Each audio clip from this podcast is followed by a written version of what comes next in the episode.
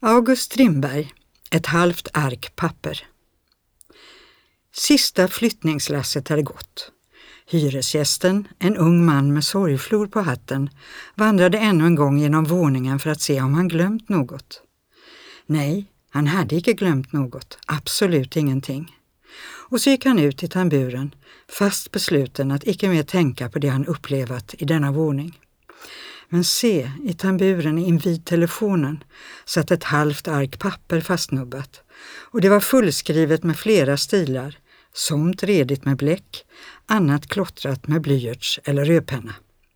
Där stod det, hela denna vackra historia som avspelats på den korta tiden av två år. Allt han ville glömma stod där, ett stycke människoliv på ett halvt ark papper. Han tog ner arket det var sådant där solgult konceptpapper som det lyser av. Han lade det på salskakelugnens kappa och lutade över detsamma läste han. Först stod hennes namn, Alice, det vackraste namn han då visste, därför att det var hans fästmös. Och numret, 151 1. Det såg ut som ett psalmnummer i kyrkan. Därpå stod banken.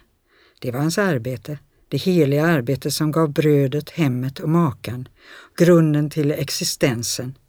Men det var överstruket, ty banken hade störtat. Men han hade räddats över på en annan bank, dock efter en kort tid av mycken oro. Så kom det. Blomsterhandeln och hyrkusken. Det var förlovningen, då han hade fickan full av pengar.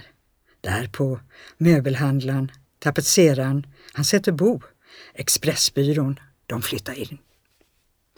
Operans biljettkontor, 50-50. De är nygifta och går på operan om söndagarna.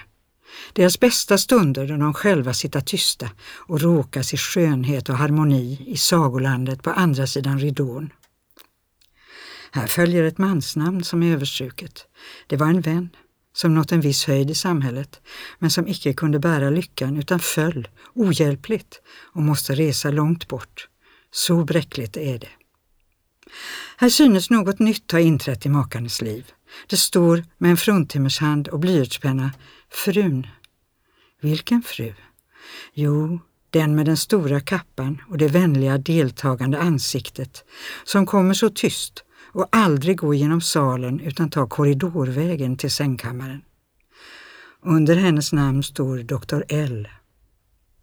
För första gången dyker här upp namnet på en släkting. Det står mamma.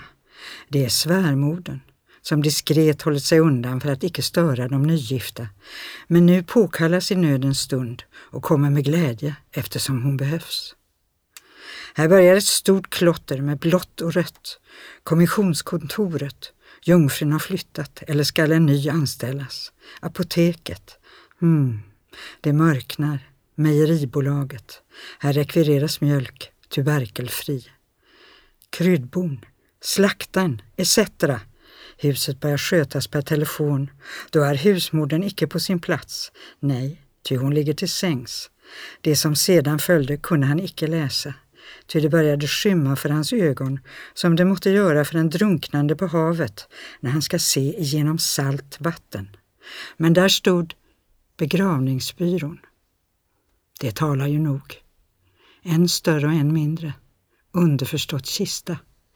Och i parentes var skrivet av stoft. Sedan stod där intet mer. Stoft slutade det med, och det gör det.